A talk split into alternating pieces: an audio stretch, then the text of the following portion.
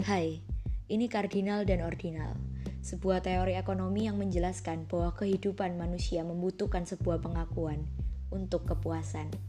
Tapi terkadang manusia lupa bahwa kepuasan yang sebenarnya akan didapat ketika mereka sudah memberikan manfaat dan tujuan untuk lingkungan sekitarnya. Welcome to my podcast. Enjoy this. Thank you.